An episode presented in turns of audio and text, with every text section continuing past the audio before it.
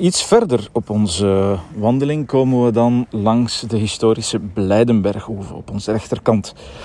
Het bouwjaar van de oorspronkelijke hoeve is niet gekend. Wel zijn er afrekeningen van pachtgelden gevonden die dateren van het jaar 1550.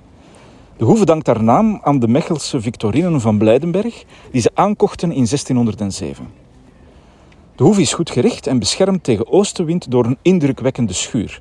Het type en de stand van de schuur, als ook de geweldige afmetingen, doen vermoeden dat ze op een later tijdstip werd gebouwd. Mogelijk heeft ze nog als tiendenschuur dienst gedaan. In 1798, de boerenkrijg, werd de parochiekerk van Bonheide door het Franse bewind gesloten en de mis werd toen opgedragen in de schuur op een houten koffer die men nu als altaar gebruikt in de kapel van het kasteel van Zellaar. Op het einde van de Tweede Wereldoorlog liep de hoeve veel schade op doordat er een V1-bom viel in de weide. Een muur werd weggeslagen door de explosie, de ruiten waren stuk en de pannen waren van het dak gevlogen. De pachters, de familie Somers, die uit voorzorg in de kelder overnachten, bleven ongedeerd. Sylvain Somers, op de Hoeve geboren, boerde er samen met zijn vrouw Julienne tot aan hun pensioen. Vanaf augustus 1995 worden er zuivelproducten en seizoensgroenten verkocht. Ja, we misschien als laatste vraag. Ehm, wat zie jij nu als grote uitdagingen naar de toekomst toe ehm, van deze coronatijd? Uh, in het algemeen als uh, fitnessuitbater en als ondernemer?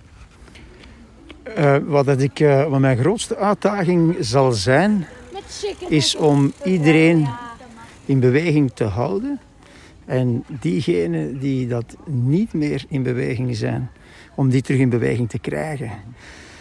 Dat is eigenlijk uh, de, het voornaamste wat wij als fitnessuitbaters, uh, aanbieders van bewegen, van sport, uh, wat dat wij in de toekomst gaan op inzetten. Ja. ja. En daarbij is deze fietsstaproute in Bonheide alvast een goed begin, denk ik. Hè?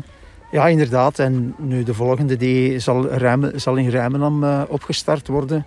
En dat is dan ehm, fietsstap nummer twee. Ja. Inderdaad. Wel, daar kijken we vast naar uit. Dank u wel.